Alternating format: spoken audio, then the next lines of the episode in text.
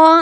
Pukki og Wendia lagde hakkemat av Manchester City. Pepperuletten er i gang. Aubameyang har mål eller assist i hver eneste kamp og går snart forbi både Flo og Karev på skåringslistene i Premier League. Hong Min Son er virkelig tilbake, og Tammy Abram er så brennheit at han skårer for både Chelsea og Wolverhampton i en og samme kamp. Velkommen tilbake til Premier League, velkommen tilbake til Fantasy, og velkommen tilbake til podkasten. Vi har så mye å snakke om i dag. Som dere hører, så er det jo da ikke Ole Martin som har denne introen, men det er meg isteden. Ole Martin han er på vei hjem fra Spania, eh, men jeg har fått med meg supervikar Peder. Velkommen skal du være. Ja, takk. Du har jo vært med oss før, du. Noen ganger. Du begynner å bli så rutinert at du til og med har tatt med deg egen gjest i dag. Ja, det tenkte jeg, for eh, jeg kan jo ikke sitte her i en fantasypodkast og late som jeg har fullstendig peiling når en av mine beste venner tross alt ble nummer 154 i verden i fjor. Ai, ai, ai. Av seks millioner pluss spillere, så er det en helt fantastisk eh, plassering, så ta godt imot. En av medlemmene i en av verdens, eller i hvert fall Norges lengstlevende fantasyligaer, Kirkeveien 40, Olav Haugan, velkommen. Ai, ai, ai. Tusen hjertelig takk. Hvor lenge har du holdt på med fantasy, Olav? Siden Ronaldo var eh, han du kapteina i 38 gameweeks eh, på rad. Eh, så det begynner å bli noen år, ja. Da må livet ha vært veldig enkelt når Ronaldo trylla rundt i Premier League. Det var eh, Kapteinsdiskusjonen fantes ikke i podkastene på den tiden. Podkast fantes kanskje heller ikke på den tida. Nei, mulig, jeg tenker på. mulig, mulig. Eh, på den tida der så gikk vel jeg på ungdomsskolen, tror jeg. Eh, så det begynner å bli noen år siden, men veldig kult å ha deg med. Eh, altså, vi må snakke om det. Topp 200 i verden i fjor. Ja, det er ganske sjukt. Det er helt vanvittig. er, eh, helt crazy. Altså, jeg hadde vært sykt fornøyd med topp 10 000. Uh, har klart en 20 000 tidligere, liksom. Men uh, herregud, av og til så får man Leicester-sesongen, hvor bare alt flyter, og du treffer på fra start til slutt. Og, og, og det er jo selvfølgelig utrolig gøy, da. Men var det liksom noe spesielt du lykkes med i forrige sesong som du ikke helt har klart å få til tidligere?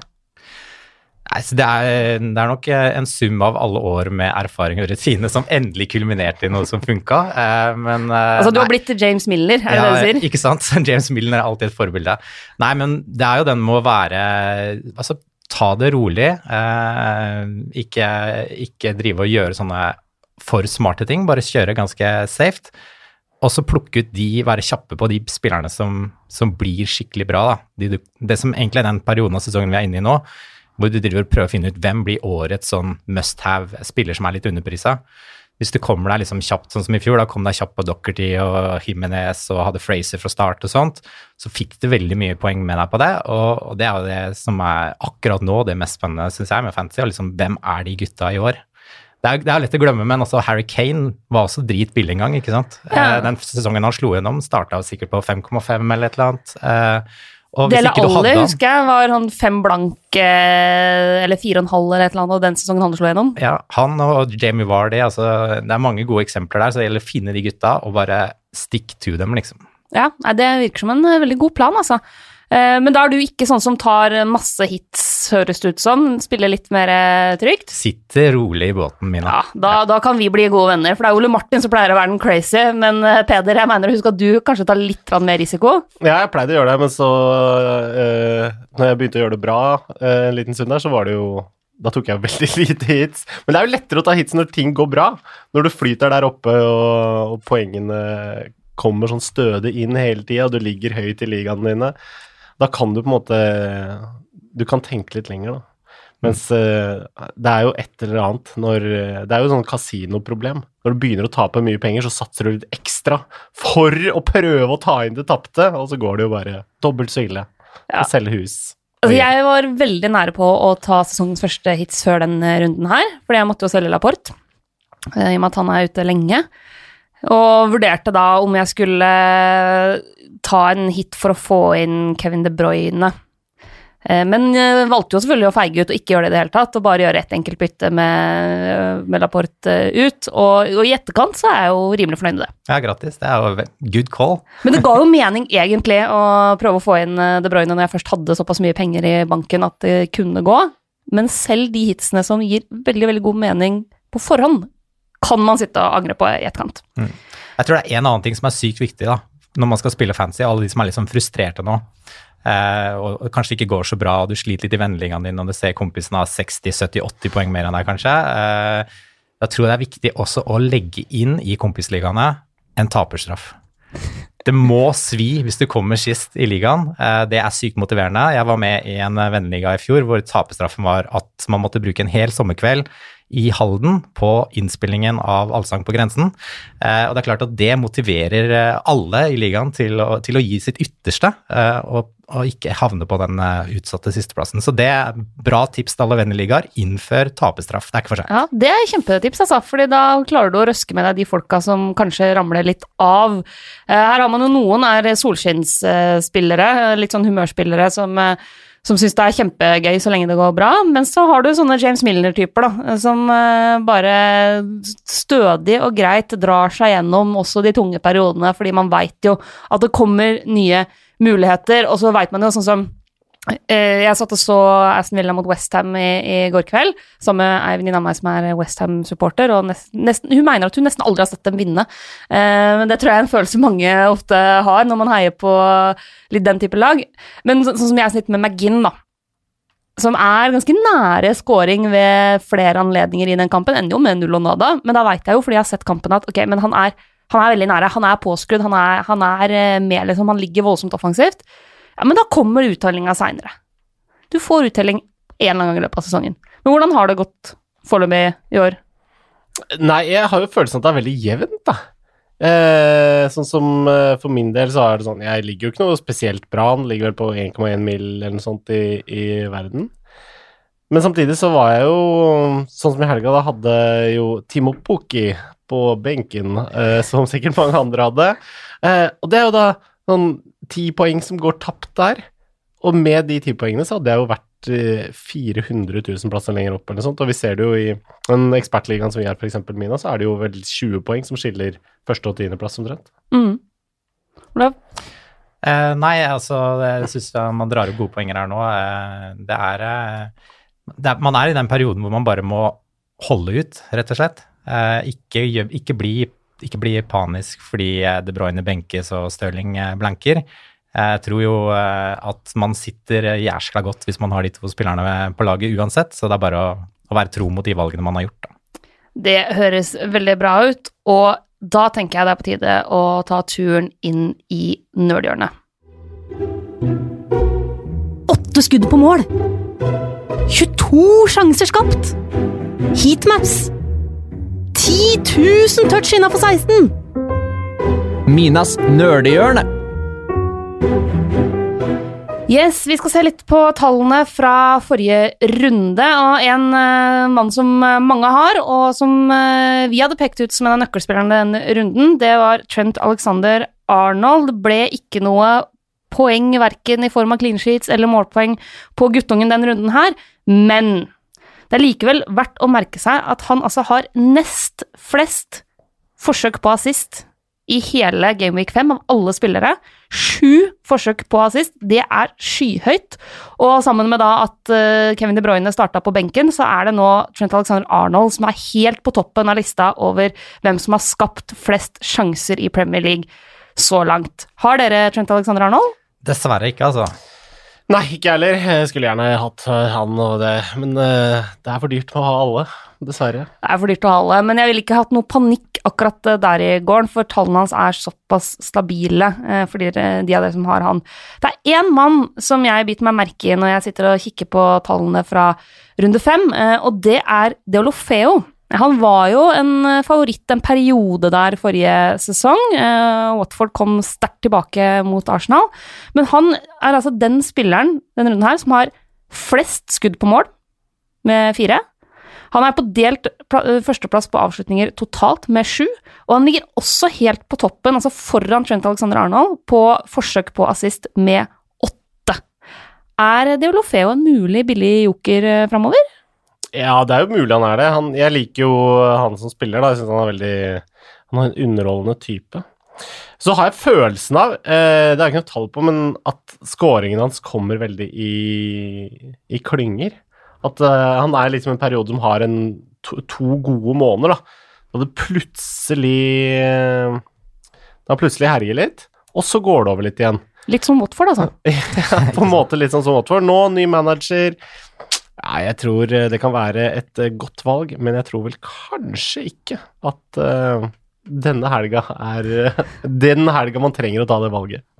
Men han, er, han begynner å komme inn i en sånn priskategori som, som ikke er så mange andre bra alternativer. Da. Han har sunket til 6,2. Eh, ganske decent priser. Disse andre gutta som starta på 6,5, har steget veldig mye.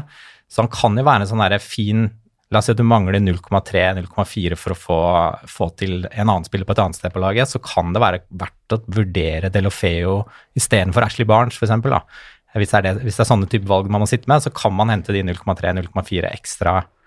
Den, den punten støtter jeg. Delofeo er en fet spiller, liksom. Det er gøy å se fotball når du har Delofeo på fantasy-laget ditt. Ja, jeg merka det da jeg satt og så Watford mot Arsenal, at det er eh, Da kjente jeg at det er litt, litt kjedelig å ikke ha Watford-spillere. Altså, Du vet jo aldri hva du får, men det er alltid veldig morsomt å se kamper når du har dem. Eh, Men de møter jo City nå til helga, så kanskje bruke den kampen til å speide litt. Eh, Vi skal ta litt sånn generelt skuddestatistikken også, som vi ofte gjør. Eh, Det er jo mange av de samme gamle som ligger helt i toppen. Eh, Aguero topper nå listene sammen med Firmino på avslutninger totalt. Like bak finner vi Stirling, eh, Rashford, Pukki, Madison, Aubameyang, Salah osv. osv. nedover. Men det er fortsatt ingen som har flere skudd på mål enn Timo Pukki. Han troner igjen som majestet på toppen med tolv, og så kommer det da en rekke spillere bak med åtte. Der finner vi jo blant annet Stirling og Ashley Barnes, men også Mason Mount og Tammy Abraham. Eh, Pukki ligger på delt førsteplass sammen med Stirling og Aguero på skudd inne i boksen, like foran Firmino, Sala og Tammy Abraham.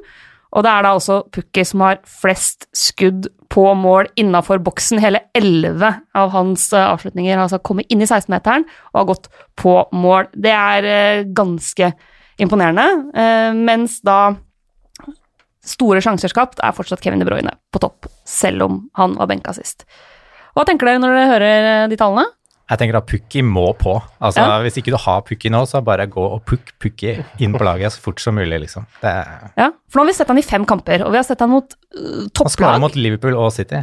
Ja, Ja, og han uh, er jo en trussel hele tida. Uh, han er jo en strålende spiss, rett og slett. Beveger seg veldig smart eh, mot City. Så de hadde et par kontringsmuligheter her som ikke ble noe av i tillegg, så Timo Pukki, han er en, eh, som du nevnte tidligere, Olav, eh, en sånn must have-spiller fra start av. Han kan fort ende denne sesongen her og være verdt 8,5, på en måte. Selv om han bare er på 6,7-8 nå. Litt sånn som Jimenez, for eksempel, da, som steig ganske mye i løpet av forrige sesong. Han minner veldig om det. Eller hele Norwich minner jo litt om Wolves i fjor. Det er masse bra alternativer i Norwich med Buendia og, og Cantwell på midtbanen også, så, så det er sånn fristende å nesten gå trippel Norwich, selv om det, det er ganske sjukt å si. Jo, men, men jeg syns det er kult at du sier det, fordi vi har fått et spørsmål på Instagram fra Andreas Johnsen123, som uh, er på jakt etter en midtbanespiller til under 6,5 som ikke er Todd Cantwell. Eh, og Buendia eh, vi snakka litt om han i forrige episode, for dere som eh, husker det. At han hadde begynt å snike seg litt opp på, på listene her. Og når man ser på f.eks. Sjanser skapt, da, så ligger han på delt fjerdeplass i hele Premier League. Eh, kun slått av Lanzini, De Bruyne og Trent Alexander Arnold. Eh, så han, han leverer ganske jevnt på sjanser skapt. Og så er det jo Mason Mount som eh, leverer gode tall både når det kommer til avslutninger og de mer kreative aspektene av spillet, da. Men er, eh, er de to de kanskje heiteste? På midtbane i den kategorien, ja, de, de, de peker seg fram, de to. De leverer hele tiden nå, så um, jeg tenker at det er gode, gode valg, da. Og det løser masse penger til å kanskje eh, Mange har kanskje to sånne top dogs, sånn type Sala Stirling. Hvis du går for et par av de rundt seks millioners eh, midtbanespilleren, så får du kanskje råd til Abomayang på topp i tillegg, eller Aguero kanskje til og med. Eh, så den, det er liksom litt nøkkel, da, å finne de gutta til den prisen, tenker jeg. Og de består jo også den såkalte øyetesten, syns jeg i hvert fall. Eh, synes, du kommenterte jo kampen til eh, Norwich, eh, Peder. Eh, Hva er eh, dommen over f.eks. Boendia, da, eh, som vi har sett han i fem kamper i Premier League? Nei, han er jo helt strålende. Han er jo en fantastisk fotballspiller. Han er jo litt sånn eh, Veldig løpskapasitet, er overalt. Eh, har en fantastisk pasningsfot, veldig overblikk. Er jo involvert I tillegg til at han har uh, målgivende, da. På to veldig forskjellige måter. Én corner, én der han snapper ballen fra en sovende Otamendi.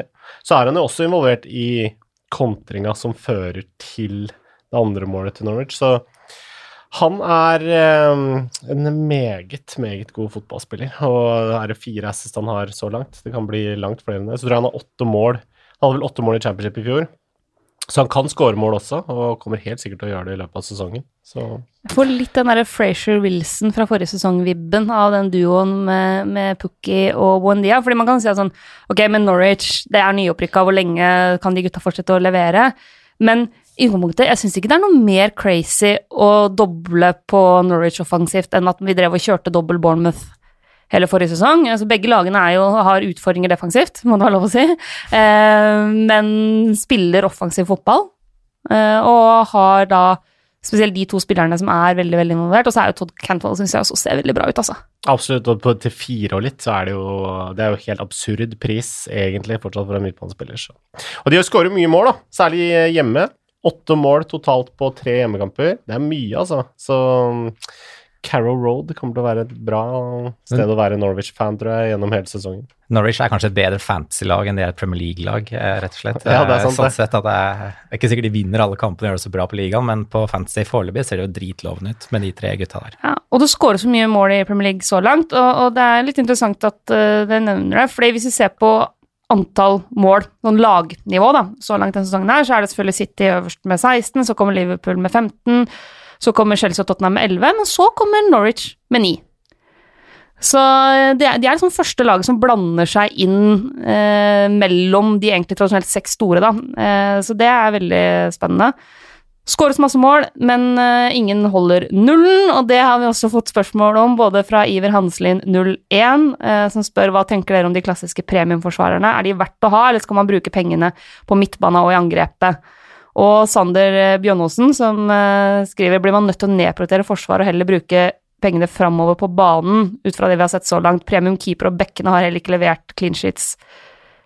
Så tallene, når vi ser på tallene, så er det kun Altså det er ingen lag som har holdt nullen i flere enn to kamper så langt. Nei, og så er det jo Det starta jo sesongen litt med at forsvarsspillerne føltes dyrere ut enn noen gang tidligere, da. Uh, Robertson, uh, Alexander Arnold oppe på sju der, og det var Så det er uh, Det er på en måte Det har vært dyrere enn noen gang å kjøpe de aller beste, i hvert fall fantasy-forsvarerne. Og når de i tillegg da ikke leverer, så skjønner jeg at man begynner å tenke med en gang det her er jo Dette går jo ikke. Så jeg har bare hatt én uh, sjøl, van Dijk vel hele veien, og det er Det har jo bare gått sånn middels, da. I tillegg til City Keeper, da, som jo heller ikke har vært noe gullgruve så langt. Jeg sitter med Luka Dign og van Dijk og Zinchenko, eh, så men jeg skulle jo egentlig gjerne ha oppgradert til type Trent, jeg, da. Eh, og så når jeg hører tallene du kom med i stad og sånn, så tenker jeg at hvis du sitter med Trent nå, eller Robertsen eller van Dijk og sånt, så det kommer til å ordne seg. Eh, Robertsen fikk plukka vel en assist, assist nå i, i helga, eh, og i det lange løp så tror jeg fortsatt at de dyre er best, men jeg skjønner jo at folk kanskje ikke er keen på fire dyre eller fem dyre, som vi så noen uh, starta sesongen med. Kanskje det er mer sånn eh, at man beveger seg i retning av tre eller to sånn premium uh, buck. Og så må man bare ta den vurderinga sjæl, egentlig, om man, om man, ser at pengene går, går til bedre ting framover, da. Mm. Det var en spiller du nevnte i stad som, som, har helt sinnssykt bra tall eh, på Liverpool kanskje ligas beste spiller i første fem kampene, Bobby Firmino, eh, som egentlig er et fancy-troll. En sånn fyr du egentlig ikke skal kjøpe. Men han har plukka seks målpoeng på fem kamper eh, så langt i sesongen. Fire assist og, og, og Altså, han, han, leverer bra, liksom. Hele tiden. Eh, er, snakker vi for lite om Firmino? Burde han liksom vært mer oppe i, i pannebrasken på folk? Ja, jeg syns det. Jeg er helt enig med deg. Eh, og også når det kommer til det at altså, eh, Firmino er en så fantastisk god fotballspiller. Vi snakker masse om Salah, vi snakker masse om Mané, fordi det er de som skårer mest mål, men jeg mener jo ganske bestemt at ved siden av van Dijk så er Firmino Liverpools viktigste spiller. Eh, der han, hvis han blir langtidsskada, så er det han og van Dijk som kommer til å svi mest for Liverpool. Og du, jeg syns du også ser det når han starter på benk. at uh, hvorvidt han starter eller ikke, har også ganske mye å si for uh, Salah og Mané. Fordi det er liksom han som binder alt det offensive sammen. Og han har jo tatt, altså, han har jo tatt mer poeng så langt denne sesongen her enn en Kane, da. For eksempel. Uh, og han har tatt Ja, han har 35 poeng, er det vel nå. Aubameyang har eh, 39. Så han er jo like bak Aubameyang, men koster jo da fortsatt bare 9,5. Så er eh, Firmino en eh, mann Hvis man f.eks. ha lyst til å nedgradere litt i forsvar og oppgradere litt på, på en spissplass, da. Jeg tror jeg starta sesongen med Firmino. Jeg faktisk tenkte sånn eh, Nå skjer det. Men så Han er en litt sånn frustrerende spiller å ha, da. Fordi han er tredje sist på ballen når eh, Mané Salah skårer mål. Og det, så, det er jo ofte sånn Liverpool skårer mye mål. Eh, Mané og Salah føles ut som En av de to er i hvert fall alltid på skåringslista, mens Firmino er der kanskje hver tredje, hver fjerde kamp. Og det, det er eh, Nei, det er, den er litt vond og Han har liksom dratt 5, 8, 2, 12, 8 på de fem kampene så langt, så han er liksom jeg føler kanskje, eller liksom, Er han i ferd med å bli skikkelig premium eh, og et sånn bra valg også for fantasy? At han er en bra fotballspiller, skjønner alle som, som, som kan fotball, og så ser han spille fotball. Men er han et bra valg også på fantasy? Det kan kanskje virke som. Det kan hende det er han som er eh, fantasyens eh, James Milner, som bare drar seg sånn sakte. Jeg har jo alltid hatt det problemet med, med De Bruyne, som er eh, jo fantastisk, men som ofte har sånn én assist hver kamp. Og Ja. når du teller opp til slutt, så har han plutselig hatt masse poeng, men det føles ut som du aldri har fått noe særlig på han, for du har hatt seks og sju og sånn hver gang. Det er aldri de derre 12 og 14 og 18-poengskampene som typer som Mané og Salah kan levere. Ja, altså han er litt i den samme kategorien, eller på vei til å bevege seg i den samme kategorien som Christian Eriksen og Kevin De Bruyne, som er de gutta som leverer jevnt og trutt. Eh, og jeg syns jo egentlig at man bør prøve å ha én sånn type spiller. Som, ja, det er mye sekspoengere og åttepoengere og få 15-poengere, men i den store summen, da, så, så er det ganske viktig å ha den typen. Og så er han kanskje ikke spilleren du kapteiner, men siden han koster 9,5, så, så tror jeg likevel at han kan være verdt det. Eh, altså, du, du vil jo ikke dundre inn en spiller til 11 millioner som du ikke tør å slenge kapteinspinnet på når han har en fin kamp. Men du har jo råd til da Stirling, Salah, Mané, eh, et annet bra kapteinsvalg ved Mm. siden av Firmino, tenker jeg. Så man, kan liksom funke som en sånn for å få laget til å gå opp. Ja, jeg er helt enig. Eh, og nå har vi nesten allerede begynt på neste spalte, føler jeg, men det er supertopp. Så da rett, gjør vi rett og slett sånn at vi hopper opp i båten. Har du sett det kampprogrammet, eller? Sitt stille i båten nå. Men Han er jo i superform. Sitt stille i båten. Jeg kan bare ta minus fire. Sitt stille i båten. Yes. Fordi det er jo ofte det som er det store spørsmålet på fantasy. Det er skal man sitte stille i båten, eller skal man dra noen opp inn, eller pælme noen ut i havet? Det er jo ofte det vi diskuterer. Og jeg har fått spørsmål, veldig mange spørsmål her, men eh, noe av det er jo f.eks. hva man gjør med, med Liverpool. Eh, Er det, altså, skal man fortsette å sitte på Salah, eller er Mané et bedre alternativ siden han er såpass mye billigere? Og ja, hva med Firmino? Eh, Er det tre eller to offensive Liverpool-spillere som er veien å gå framover?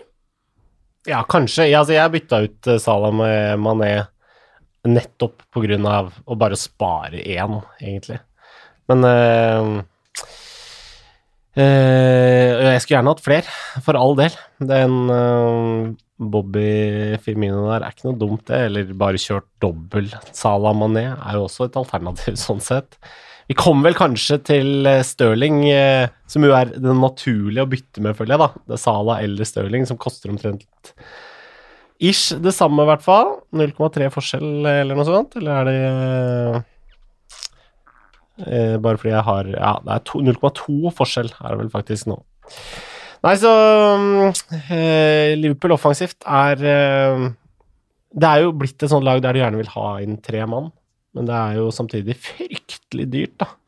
Så mm, Det er der jeg syns Firmino er et mer og mer interessant alternativ. Altså. Fordi jeg tror ikke jeg får til å stable både Salah og Mané. Det tror jeg går for mye utover resten av laget. Men jeg kan få inn Firmino. Eh, Jeg har penger til å f.eks. oppgradere Moise Keane. Så Eh, tenker jeg det må bare leve litt, altså. Kjøre litt eh, Firmino-show, eh, ta sjansen og gønne på. ja, jeg er Blir jo glad for de tre ekstrapoengene når han hælsparker gjennom Mané eller sånt. Det er jo fantastisk. Ja, Det er en ting du veit med Firmino, at uh, du får kanskje ikke de største poengsummene, men du veit at de poengene du får der, det er estetisk vakre poeng. Uh, altså det har, det har vært spilt veldig pen fotball uh, når de poengene har blitt uh, skaffa. Men sitte stille i båten, jeg tenker jo ja. AFP Liverpool er det beste laget for øyeblikket i Premier League. Så hvorfor skal du kvitte deg med spillere fra Liverpool? De kommer til å levere, liksom. Det er sånn, Du vil jo egentlig ha de beste spillerne fra de beste lagene fast på fantasy-laget ditt. Så jeg, jeg skjønner ikke hvorfor folk skal prøve å selge unna Sala eh, eller kvitte seg med disse dyre Liverpool-spillerne. Sitt stille i båten, tenker jeg. De kommer til å levere masse poeng i løpet av sesongen. Hvis noen av en eller annen grunn ikke har eh, midtbane eller spiss fra Liverpool, eh, hvordan ville dere rangert eh, de tre gutta der? For det er jo det er veldig enkelt med Liverpool. Det er tre alternativer. Det er eh, Salah Mané Firmino. Eh, man skal jo ikke ha inn noen av de andre gutta på midtbane eller eh, på topp. Hvordan ville du rangert de tre nå? Jeg er Sala soleklart på, på topp, for han er fetest. Det er, det er, han, han leverer psycho mye poeng, men han er også veldig gøy å se på. Eh, så har jeg jo snakka opp eh, Firmino nå da, til en andreplass. Det ville nok vært Mané om du hadde spurt meg for to gameweeks siden, eh, men eh, kjører Firmino på andre og Mané på tredje. Nydelig. Så er jo det Peder allerede har nevnt, det store spørsmålet hva gjør vi med Stirling? Jeg har fått masse spørsmål både på Facebook og Instagram eh, rundt det. Eh, Stirling ut. Eh, hva skjer med Stirling? In or out? Mange spørsmål eh, der. Eh, vi har Stirling alle sammen. Ja. Jepp. Eh, hva tenker dere å gjøre med Stirling? Jeg har ikke tenkt å gjøre noen ting, egentlig. Eh, nå har de Watford hjemme. Stirling er jo, selv om det ikke ble noe tellende resultat med Norwich, da, så er han jo involvert i så å si alt. Han er den, den spilleren i City-angrepet som får ballen mest, i hvert fall når ikke De Bruyne er på banen.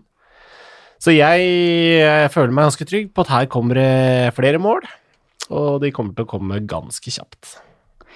Er helt enig. Ja. Han er kanskje, kanskje vi, kan, vi kommer vel til kapteiner etter hvert, men han er ikke, han er ikke UF-en som kaptein. Eh, Snu, snu vinden og, og, og levere varene i kommende runde. Ja, jeg kommer også til å beholde Stirling, sjøl om han har levert to skuffende runder. Altså, det er ingen som har flere avslutninger i den kampen mellom Norwich og City enn Stirling. Han og Aguero har seks avslutninger begge to. Eh, og det er heller ingen som er, har like mange forsøk på assist i den kampen. Eh, og han jo, har jo litt uflaks som ikke får med seg scoring, så jeg kommer til å beholde han. Men jeg skjønner at folk begynner å bli utålmodige.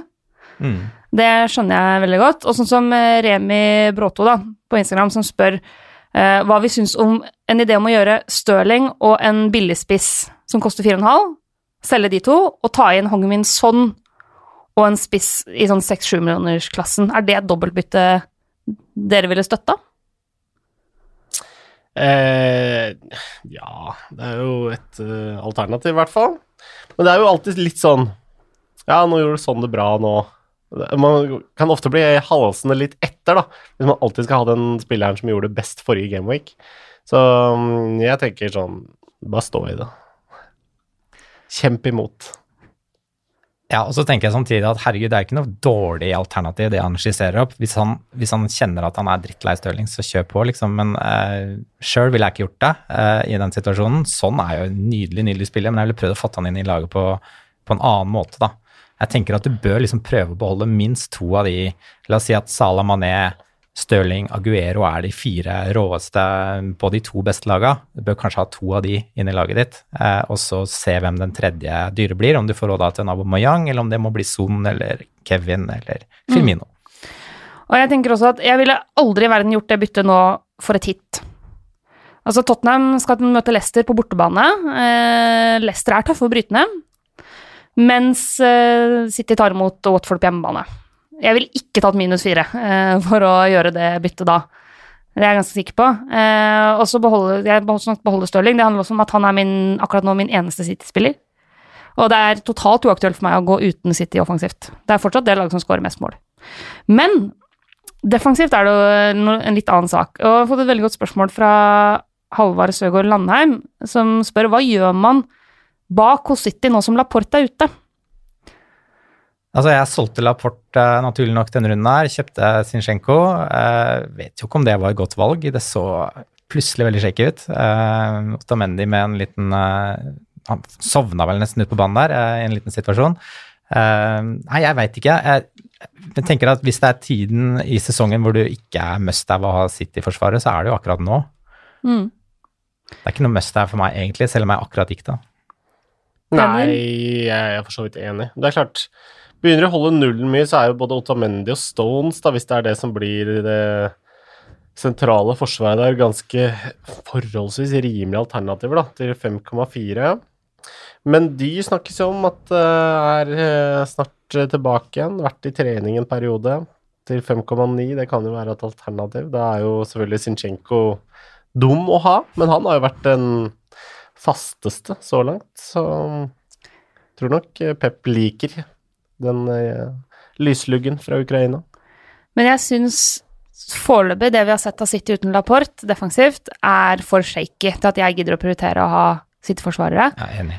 Eh, det er en grunn til at Laporte var en av de som spilte aller, aller mest for Pep forrige sesong. Eh, han har lenge vært, men også utvikla seg til å bli en enda bedre eh, stopper. er temmelig komplett, syns jeg.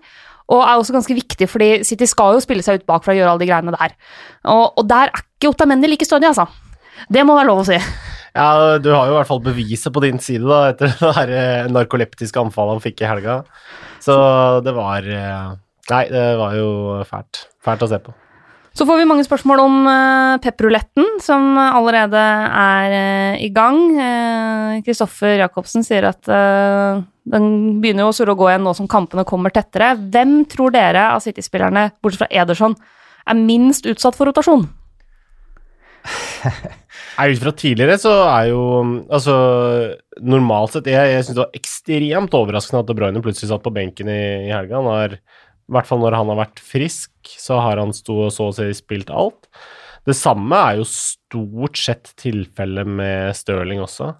Han roteres ikke veldig mye. Det er jo en eh, David Silva kommer til å bli rotert. Maris kommer til å bli rotert. Gondogan kommer til å være inn og ut av det laget der.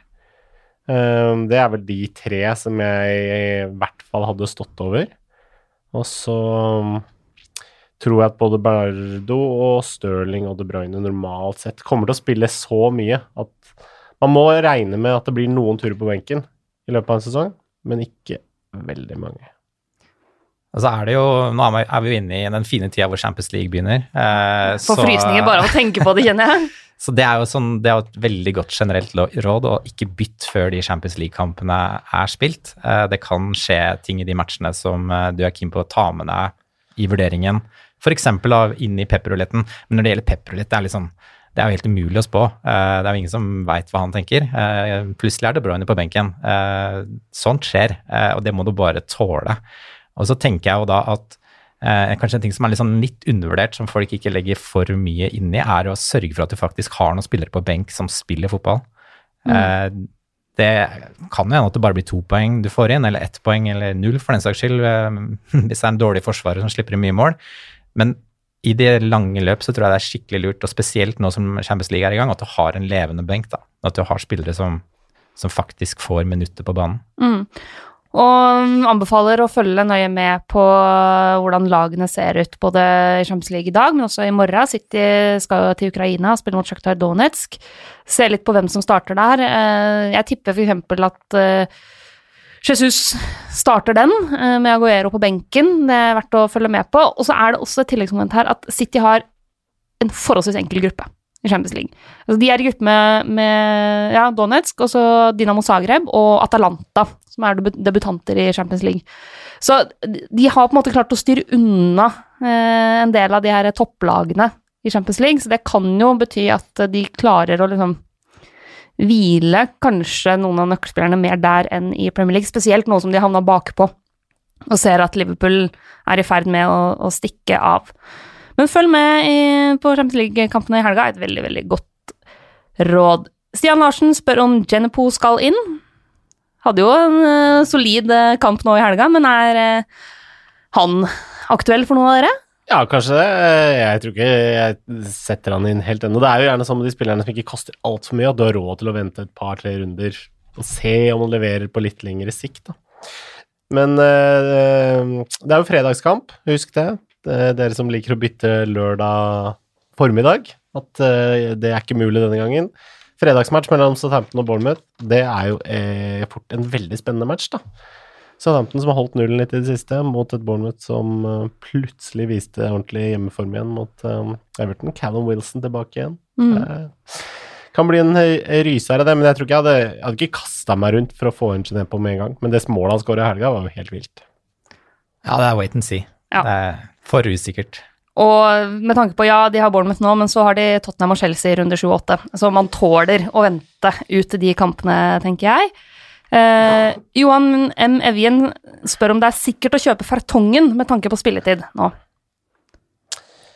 Uh, ja, det må jo jeg, jeg tipper vel egentlig det, men uh, man veit jo aldri helt hvordan Pochettino tenker. Jeg syns jo han har hatt litt uh, det, Ja, det har vært litt pussig eh, start. Men en spiller som er spennende i det der Spurs-forsvaret, ut fra um, det de leverte i helga, er jo Aurier. Mm. Eh, som eh, jo har spilt fryktelig lite fotball lenge, men som plutselig så ut som han var eh, helt ekstremt tilbake igjen. Han eh, henta jo tross alt inn 14 poeng, koster 4,9, og hvis han plutselig er skadefri og spiller fast for det der eh, Tottenham-forsvaret Han er jo den beste høyrebekken de har nå, så er jo han et eh, meget interessant alternativ. Men er han nail, eller er liksom Walker Peters uh, tilbake fra skade, og så tror- er det 50-50 klassisk Pochettino Uh, Jo, men jeg tror annenhver at ja, Han gjør jo ofte det, han er glad i å bytte bekker. Men jeg tror at Serge Aurier i utgangspunktet er uh, førstevalg. Så Ja. lenge han er frisk. Men han har jo vært ekstremt skadeutsatt, da. Ja, og det som er siste nytt da, på Kyle Walker Peters, er uh, fortsatt at uh, han driver med on-field rehab. Så han er jo på en måte tilbake på bana og så videre og så videre, og, og nærmer seg. Eh, så jeg ville ikke tatt sjansen på Rier nå. Men jeg spiller jo litt konservativt. Jeg tar ikke så store Ja, risker. men samtidig som jeg tror at hvis begge de to er friske, så er Aurier den som blir valgt først. Så øh, ingen tripper i klubben lenger. Uh, Foyt har jo spilt så vidt høyreback. De har litt problemer på bekken, og jeg syns ikke Walker Peters de første matchene har sett ut som noe opplagt eh, Eller noe bra høyrebekkvalg for en klubb som skal være der oppe og slåss med de aller beste. Så uh, Nei, uh, jeg syns Aurier følger med litt uh, ekstra der. Vi sitter kanskje stille båten på Rere, eh. Ja, og så kan Peder bevege. Han lener seg litt utover ripa nå, merker jeg, men vi får se hvordan det ender. Eh, En annen eh, forsvarsspiller som huka inn eh, poeng denne runden her, det var Tomori. Vi har fått spørsmål om den unge Chelsea-spilleren er bankers i elveren. Jeg tror i hvert fall at han er, om ikke bankers, veldig nært å være det. Jeg tror Lampard har hatt lyst til å bruke han lenge. Var jo i Derby i fjor, han også, i likhet med Mason Mount. Så fikk han en litt roligere start, men de to siste har han spilt. Og selv om Chelsea jo slipper inn masse mål De har sluppet inn fire mål i de to kampene han har spilt, så er det klart at med en sånn skuddfot så vekker han jo litt engasjementet blant oss fantasy-spillere. Men det er jo, det sjukt kult. Du kan da egentlig sitte med, sitte med forsvarsspillere fra både Tottenham og Chelsea til under fem millioner, da. Hvis, hvis både Aurier og Tomori kommer inn og tar plassen.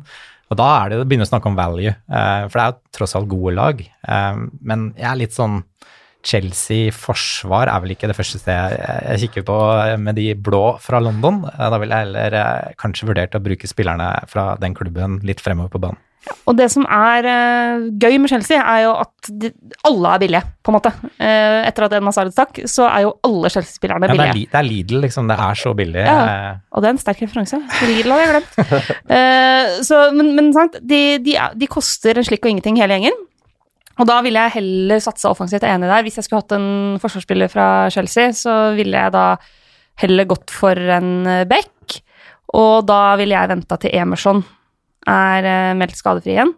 Fordi han, har jeg synes, han har vært veldig offensiv i de kampene han har spilt så langt. Eh, mye sånne fine løp inn i 16-meteren og en del avslutninger og innlegg osv. Så, videre. så hvis jeg først hatt forsvarsspill fra Chelsea, så ville jeg venta på han. Eh, og så er det såpass gode, billige alternativer på midtbanen. Callum Hudson og Doy kommer jo tilbake etter hvert, for eksempel. For eksempel. Det, kan, det kan bli gøy. Det er egentlig ganske kult lag, da, Chelsea. Det er litt sånn den nye generasjonen som alle spillerne er wait and see, eh, med unntak av Giroud, som du absolutt ikke skal. Eh, men eh, men det, er, det er som du sier, det er billigsalg. Du kan få en spiss som bøtter inn mål for Chelsea til litt over 7 millioner i Tammy Abraham. Superfristende å få på plass han. Han virker jo Han skåra mye mål i fjor òg for Aston Villa i Championship, så kanskje, er, kanskje, dette er sesongen hvor, de, hvor, vi endelig begraver den myten hvor championship-spissene faktisk leverer også i Premier League. Det hadde vært veldig Både gøy. Pukki og, og, og Tammy. Ja, Nei, det hadde vært veldig moro. Eh, vi har fått et konkret dilemma fra Ea Skage, eh, som eh, spør da Aguero og Mason Mount eller Kevin De Bruyne og Tammy Abram slash Sebastian Aller. Altså, jeg har Aguero og Mason Mount, så jeg går for Ja, første alternativ. Ja, det som er morsomt, er at For to uker siden så bytta jeg inn to spillere. Da bytta jeg inn De Bruyne og Tammy Abraham. Så jeg må nesten bare gå for den og tenke at det er min kombo. Nydelig dilemma. Ja, det er en herlig dilemma. Jeg ville nok også valgt uh, her Mason Mount og Aguero. Det handler også ganske mye om Aguero versus Kevin De Bruyne. Uh, så ja, så, men det er veldig, veldig morsomt at man kan få de her billige Chelsea-spillerne, og jeg tenker at du skal ikke se bort fra at vi snart sitter med dobbel Chelsea, mange av oss. Nei, altså Mason Mount og Tammy Abraham, i likhet med Timo Pukki, som jeg snakka om tidligere, jeg mener alle de tre er sånn Bare få de inn. For de Ja, kommer til å stige så mye i pris nå. Det er De er så involvert offensivt, og det er to lag som bare stormer i angrep når de har eh, muligheten. Og så er forsvarsspillere fra både ja, fra Chelsea og Norwich, har vi snakka om tidligere, det er bare å glemme det. De har sluppet inn elleve mål så langt, Chelsea. Det er bare Norwich som har sluppet inn mer, så det er jo Det er ikke noe vits i, egentlig. En spiss som kanskje ikke har levert som forventa, eh, det er Rashford. Rashford. Jeg fått spørsmål om skal man beholde Max Rashford, eller bør man da heller eh, såkalt nedgradere prismessig eh, til en av de litt billigere spissene som har levert. Hva syns dere om Rashford og gjengen? Altså, jeg hadde bare kvitta meg med Rashford så fort som mulig. Eh, Det er så mange bra alternativer under. Du har Tammy, du har Pukki, du har Haller, du har Ashley Barnes. Vi har til og med snakka om Delofeo i den podkasten her så langt. Eh, Så det er mange fete alternativer du kan gå til eh, som er mye bedre, og mye bedre priser enn Rashford. Syns ikke United har vært helt eh, knall, for å si det mildt. Jeg vet ikke om du er enig i det, Peder? Jo, jeg syns det er ganske presis, og så er de fryktelig dårlige mot eh, Altså mot etablert forsvar, da, i kamper de skal styre. De, er, de skårer lite mål, de sliter med å bryte ned forsvar. Og det er den typen lag de kommer til å møte mye gjennom sesongen. Og Rashford er ikke noe god Han er ikke noen goalgetter. Altså, han er ikke noen som gjør de smarte bevegelsene i boksen og, og scorer mål. Så han har skåra nå, er vel begge måla på straffe så langt. Og det er eh, Nei, de, de sliter litt framover. Ja, han skåra jo to i den første, da var vel ikke det ene straffe, riktignok. Men eh, nei, han, eh, han er eh, Jeg syns ikke han er bra nok i den type boksbevegelsen til å være en sånn nierspiller. Han er bedre når han kommer litt utenfra og kan bruke skuddfot og være med å sette opp og skape ubalanse, men Det har funka yeah. bedre sammen med Martial, kanskje, Ja, enn, eh, han enn når han har- eh, må ha ansvar aleine. Ja, de Det er jo litt sånn eh, parodisk å si at de mangler en Lukaku-type når eh, de akkurat solgte han unna, men, men, eh, og jeg syns han også ble altfor statisk i den rollen eh, i Manchester United, i hvert fall. Men de, de hadde hatt eh, godt av å ha en ordentlig nummer ni. Så blir det jo spennende å se når Martial kommer tilbake fra skade. Eh, Jeg syns jo fortsatt at han egentlig er det mest fristende alternativet offensivt i Manchester United. Eh, Er jo nesten en million billigere enn Rashford. Og midtbanespiller, men skal spille nier. Så du får jo både det ekstra eventuelle clean shit-poenget og ekstra poenget per mål for én million mindre. Og han kommer til å sannsynligvis få flere større sjanser fordi han skal ligge som eh, midtspiss, mens Rashford sannsynligvis skal ligge ute på kanten. Så jeg ville venta med egentlig hele Å ta inn noen fra United til Marcial er tilbake, og se hvordan det blir da. Og så er jeg enig med at jeg tror Jeg tror kanskje jeg ville latt uh, Rashford eh, ryke, uh, og heller da prøve å få inn et par av de uh, spillerne som De litt billigere spissene som er på vei opp og fram. Jeg tror det, altså. Uh, Hong Min Son har vi vært innom. Hva tenker vi egentlig der? Er det bare å hoppe på, eller skal man se det an? Det er litt sånn, Han er jo litt vanskelig å bare hoppe på da, hvis ikke du har lyst til å kvitte deg med Kevin, og det mener jeg du ikke burde gjøre. Hvis du sitter med Kevin nå, så bytter du ikke han ut med, med Hyungmin sånn i denne gameweeken her, f.eks. Eh, men hvis du ikke har noen av de, og liksom har rydda på plass til en sånn 9,5 midtbane, så er det jo en, det er en annen vei å gå, da. En diff kontra Kevin. Eh, Son har vel en 5 eierandel, eh, litt i underkant kanskje til og med det, og Kevin er langt oppå tiertallet og 20-tallet. Eh, husker ikke hvor mange han ble eid av, men da kan du diffe litt da, med en spiller som er liksom Han er jo en bra, bra fotballspiller. Han Mm. scorer mye mål. Det skjer mye når han er i slag, liksom. Jeg kan bare oppdatere på diffen, siden det er et poeng du har, og som er et veldig bra poeng. Uh, er sånn eid av 5 og De Bruyne er eid av 35 Sant? Ja, sant.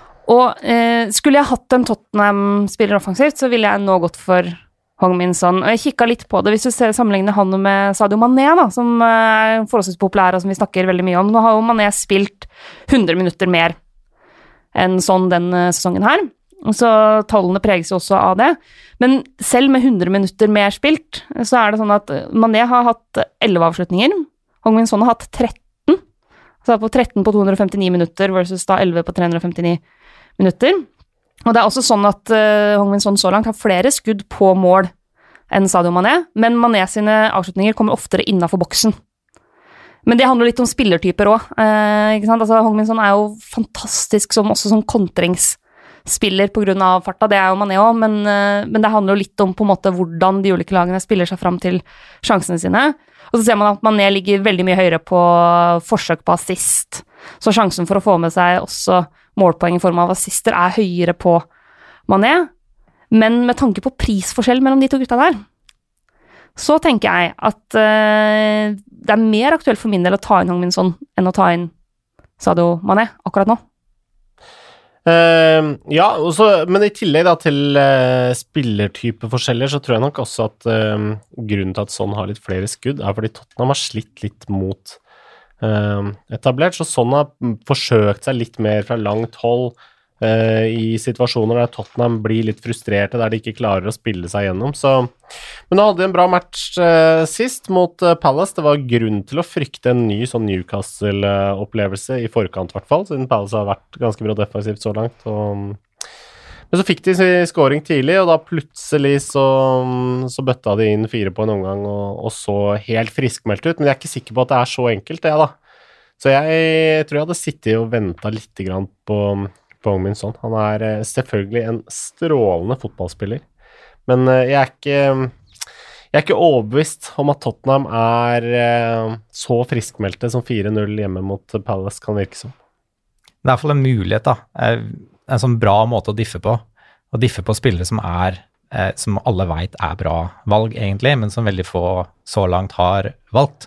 Så hvis du er litt på etterskudd, og alle foran deg i kompisligaen har De Bruyne, så kjører du sånn, liksom, så har, så har du kanskje muligheten til å, til å kneppe litt innpå. Mm, veldig godt poeng. Eller tape mer terreng, da, som er det andre Ja, det er jo det evige dilemmaet.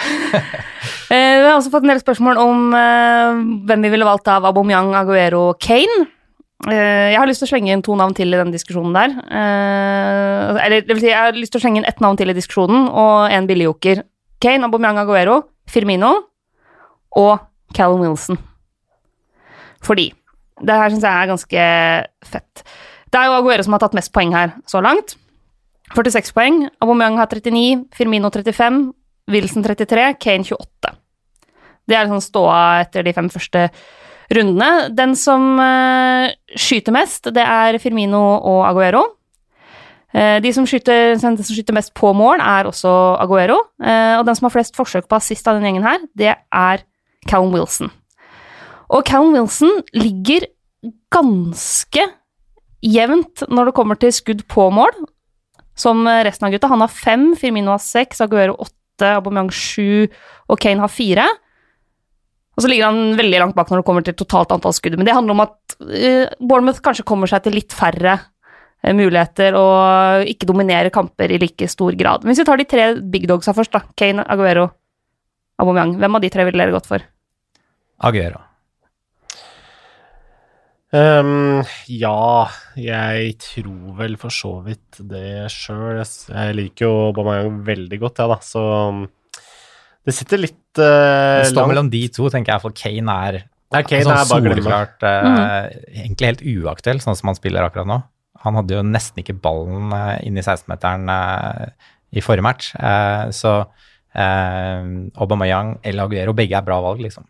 Men personlig ville jeg gått eh, for Aggie. Ja. Eh, det er jo en prisforskjell der også. Eh, 1,1 million forskjell på de to. Eh, jeg er mer og mer frista til å ta inn Aubameyang. Det eneste ankepunktet egentlig mot Aubameyang er jo Arsenal. Det er jo resten av laget hans som er ankepunktet mot. Det er jo ikke hvis, Altså, de to spillerne sett opp mot hverandre, så tror jeg jeg hadde valgt Aubameyang, egentlig. Selv om Aguero selvfølgelig er en strålende fotballspiller. Men eh, Det som, for å si det sånn, hadde Aubameyang spilt på, på Manchester City, så tror jeg han hadde skåra vesentlig flere mål. da hadde han vært toppskårer i Premier League. Ganske enkelt. Eh, jeg er noe med at Aubameyang leverer også når Arsenal har dårlig, spiller dårlige kamper. Mm. Og han leverer så jevnt, da. Han er jo egentlig han er vel kanskje den beste spissen sånn sett. Eh, og når sjekker programmet nå med Aston Villa, United riktignok, eh, Bournemouth og Sheffield. I de fire neste så er jo det Det er ikke feil å sette på Oba eh, Det er ikke det, altså. Så syns jeg, for de som eh, ikke har eh, helt råd, syns jeg Firmino seiler opp som et mer og mer interessant alternativ. Og så er det altså Callum Wilson. Vi snakka om at han var altfor overprisa. Han er en av veldig få spillere som har levert målpoeng i alle kamper. Han er nede på 7,8. Så han er har sunket i pris selv om han har levert målpoeng. Altså, han har jo én assist i de tre første kampene, altså assist i hver kamp, men nå har jo måla begynt å komme også. Eh, burde vi vurdere Callum Wilson igjen? Ja, det er jo trist å si i og med at man starter sesongen med han på laget eh, og allerede har solgt han, men han er jo, han er absolutt inne i den bracketen med alle de andre rundt sånn 7,5, eh, 7 til 7,5, 7,8 på Callum. Det blir sånn pengespørsmål igjen, kanskje. Men uh, han, han er jo en bra spiller. Han eh, leverer, som du sier, og kanskje, kanskje man må få han på igjen, rett og slett. Altså. For nå har han Southampton og Westham i de to neste kampene. Så kommer Arsenal, men altså det Arsenal-forsvaret går det an å skåre mål på. Og så kommer Norwich, Watford, United, Newcastle, Wolverhampton. Så det er ikke sånn grusomt program heller. Så jeg syns at han er eh, Ja, han er en eh, kandidat, altså. Han er eh, definitivt det, men så har du Men igjen, da, så har du sånn Ja, Pukki er billigere, Abraham er billigere. Så han, han sliter litt med konkurransen her. For i fjor, da, så starta han jo mye lavere. Starta han kanskje på 6,5. Og da er det på en måte Da er det et kjempebra alternativ. Men i år så er han på en måte um, Han sliter med konkurransen. Ikke med egne ferdigheter, men at det er andre alternativer som er bedre og billigere. Og apropos det, så skal vi gå inn i duellen.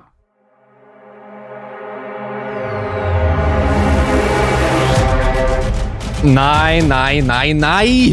Nå er du helt på bærtur! Det er jeg helt uenig i. Mener du det?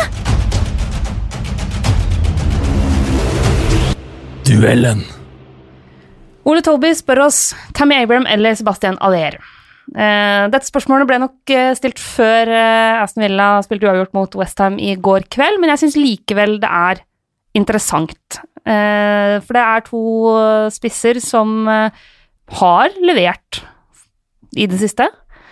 Eh, det er litt Altså, Sebastian Aller er jo helt 100 garantert eh, spilletid, så lenge han er skadefri. Tam Abraham er, ser nå ut til å være det klare førstevalget, men nå skal de ut i Champions League, så ligger Olivier Giroud og, liksom vaser bak der, eh, kanskje. Men hva, hvem av de ville dere valgt? Det er sånn, Westham er jo er sånn lag som hver gang du plukker, Det er jo mange fete spillere på Westham, men hver gang du plukker de, så blir du litt sånn litt skuffa, fordi Westham er Westham. De spiller 0-0 mot Aston Villa eh, en sein mandag. Eh, så kanskje litt av den grunn, og at liksom Chelsea virker å Altså Lampard virker å virker koste gutta skikkelig fram og skal skåre mye mål. Så syns jeg kanskje Abraham er hakket mer interessant, selv om begge to er eh, Både Haller og Abraham er jo bra valg, liksom. Men jeg tror jeg vil holder en knapp på unge Tammy så langt. Ja. Eh, tallene gjør også det. Altså, Tammy Abram har bedre underliggende tall enn Aller på alle punkter unntatt ett. Og det ene punktet hvor Aller er bedre, det er expected goals. Fordi eh, Aller har skåra tre mål og har expected goals på 3,05, så han er, ligger ganske jevnt eh, med det han er forventa å skåre basert på den type sjanser han har hatt. Tam Abraham har sju skåringer og expected goals 2,13. Og det har jeg sett noen andre tall på også, at Chelsea generelt ligger ganske langt over det de egentlig var forventa å skåre. Eh, men da kan du jo av og til så har du spillere som eh, skårer også på de sjansene som ikke nødvendigvis regnes som så store. Hongmin Son er en litt sånn type spiller. Eh, at, eh, det, skal, at på en måte de er flinke til å få mye ut av sjanser som i utgangspunktet ikke er så store. Men det er, det er, litt sånn, ok, Chelsea har hatt flyt. Tammy Abraham har hatt flyt, mens Aller har prestert omtrent som vi kan forvente. Ja, eh, jeg er super Tammy Abraham-fan. Jeg har alltid syntes han har vært uh, jækla god. Så jeg skjønte aldri hvorfor Sarri skulle sende han på lån egentlig i fjor heller, når de sleit med en uh, midtspiss som tydelig ikke fungerte, da. Så endelig har han fått tillit til Chelsea. Det er han vel unt, og da syns jeg det er gøy at han har litt flyt uh, målmessig også. Men det er klart, det er som du sier, da. Sju mål. Ja, alle har kommet de tre siste matchene. Han flyr jo opp i pris i, i øyeblikket, så det er uh, bare å kaste seg på det toget. Men det er fortsatt bare 7,3 for en spiss som skårer sju mål for Chelsea så langt på, på, de første kampene. Så han er jo et kupp fremdeles. Ja, han har starta fire av fem, da, så han er uh, Jeg syns ikke det er noen tvil om at han er Lampard sitt førstevalg.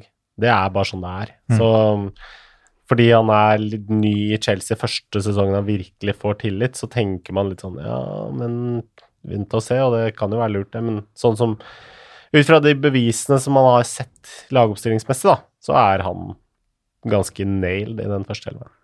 Ja. Jeg tenker vi sier at Tammy vinner den duellen ganske klart. Det blir utrolig spennende å følge dette Chelsea-laget her. Eh, det er noen gode investeringer vi kan få gjort her.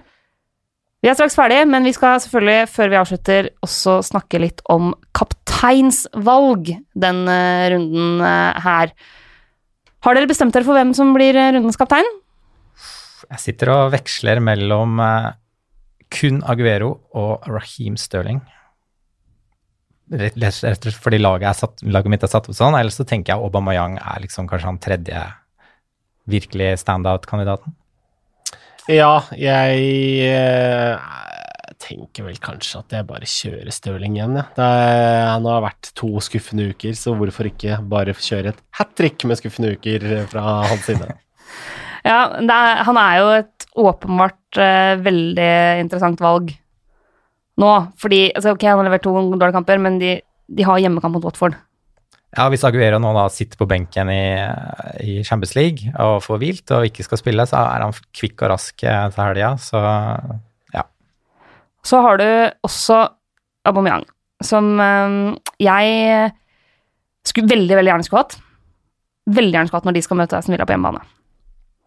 Fordi eh, nå klarte Aston Villa faktisk å holde nullen i går, da, men fram til den eh, kampen så har jo de vært et av de lagene som har sluppet til liksom, desidert mest av avslutninger og store sjanser osv. osv. Eh, så ja, jeg syns Aubameyang er såpass frisk om dagen at han er et veldig godt valg. Men det er ingen av dere som vurderer eh, Sala, da, borte mot Chelsea? Det er, jo, det er ikke feil å cappe Salam bort mot Chelsea. Det, det, viser jo at de, de holder jo ikke nullen, det laget heller. Um, altså Chelsea holder ikke nullen. Um, men for meg så er det litt mer fristende å tenke hjemmebane. Uh, både Aguero og Stirling har sånn hang til å score mye mer på Etiad enn de gjør når de er ute og reiser. Uh, Watford ja, fikk en ok andre omgangs opplevelse mot uh, Arsenal, men City skal snu det etter, en, etter, et pinlig tap mot Norwich. Så jeg kjenner at jeg trekkes mot det lyseblå der, altså. Ja, det er jo Altså det er jo veldig mange grunner til å tenke seg, se for seg at City nå skal slå knallhardt eh, tilbake, eh, og at eh, Pep nok ikke hviler en av sine beste spillere for andre helg på rad. Ehm, jeg syns også at det er altså, Pukki mot Burnley, hvis man skal være litt gæren. Slitt litt borte så langt, Norwich, da. Så Burnley, Turfmore der, vanskelig lag å spille mot. Ja. eh, Alle sitter med Nick Pope i mål og håper at Eh, ja. Nei, men jeg tror Jeg hadde ikke valgt den. Men eh, jeg tror Chelsea-Liverpool kommer til å være rundens must watch-kamp, da. Så det er jo kult å ha en kaptein der. Mm. Og jeg tror heller ikke at eh, jeg kommer til å gå for Pukki, sjøl om eh, han har levert veldig solid for meg så langt. Og jeg tror heller ikke at jeg ville kapteina uh, Tottenham-spillere borte mot Leicester. Sjøl om eh, Tottenham så veldig gode ut sist, så syns jeg det er litt for risikabelt. Og ja, ok, Leicester taper da, men de taper 1-0 mot Manchester United etter en straffe. Så det er liksom ikke akkurat sånn at de ble volsa over i den kampen heller. Men hvis man har lyst til å leve litt, så gå for Pukki. Hvis man har lyst til å få mye fancy poeng, eh, gå for enten Sala eller eh, en av eh, gutta i Manchester City. Det tror jeg er gode, gode råd. Ellers så blir det en tung lørdag når Pukki blanker borte mot Burnley og sitter og venter på de der søndagskampene når klokka blir eh, 17.30 der på søndag, og både Arsenal, Chelsea og Liverpool spiller samtidig. Yes, Husk, som vi sa i stad, at eh, fristen denne runden her er allerede på fredag. Så skal du gjøre bytter, så husk å sette på alarmen eh, en gang etter jobb på fredagen. Og som vi var innom i stad, husk at veldig, veldig mye kan skje når det skal spilles ikke bare Champions League, men også Europa League eh, den eh, uka her. Det er så surt å liksom måtte hive inn en spiller nå før prisøkninga, og så må den spilleren av med lyskestrekk eller en hamstring eller et eller annet sånn tøys i kveld eller i morgen. Så for meg i hvert fall, så er det ikke aktuelt å gjøre et eneste bytte før Champions League og Europa League er ferdig spilt. Sitt rolig i båten. Ja, her må jeg bare sitte rolig i båten. Det var utrolig hyggelig å ha dere med. Eh, Det var eh, kjempestas. Veldig, veldig bra at du tar liksom gjesteansvar eh, når du er inne som vikar, Peder. Det setter vi veldig stor pris på. Tusen takk for dere, at dere lytter. Vi legger som vanlig ut informasjon og annet både på Instagram og i Facebook-gruppa vår TV2 Fantasy.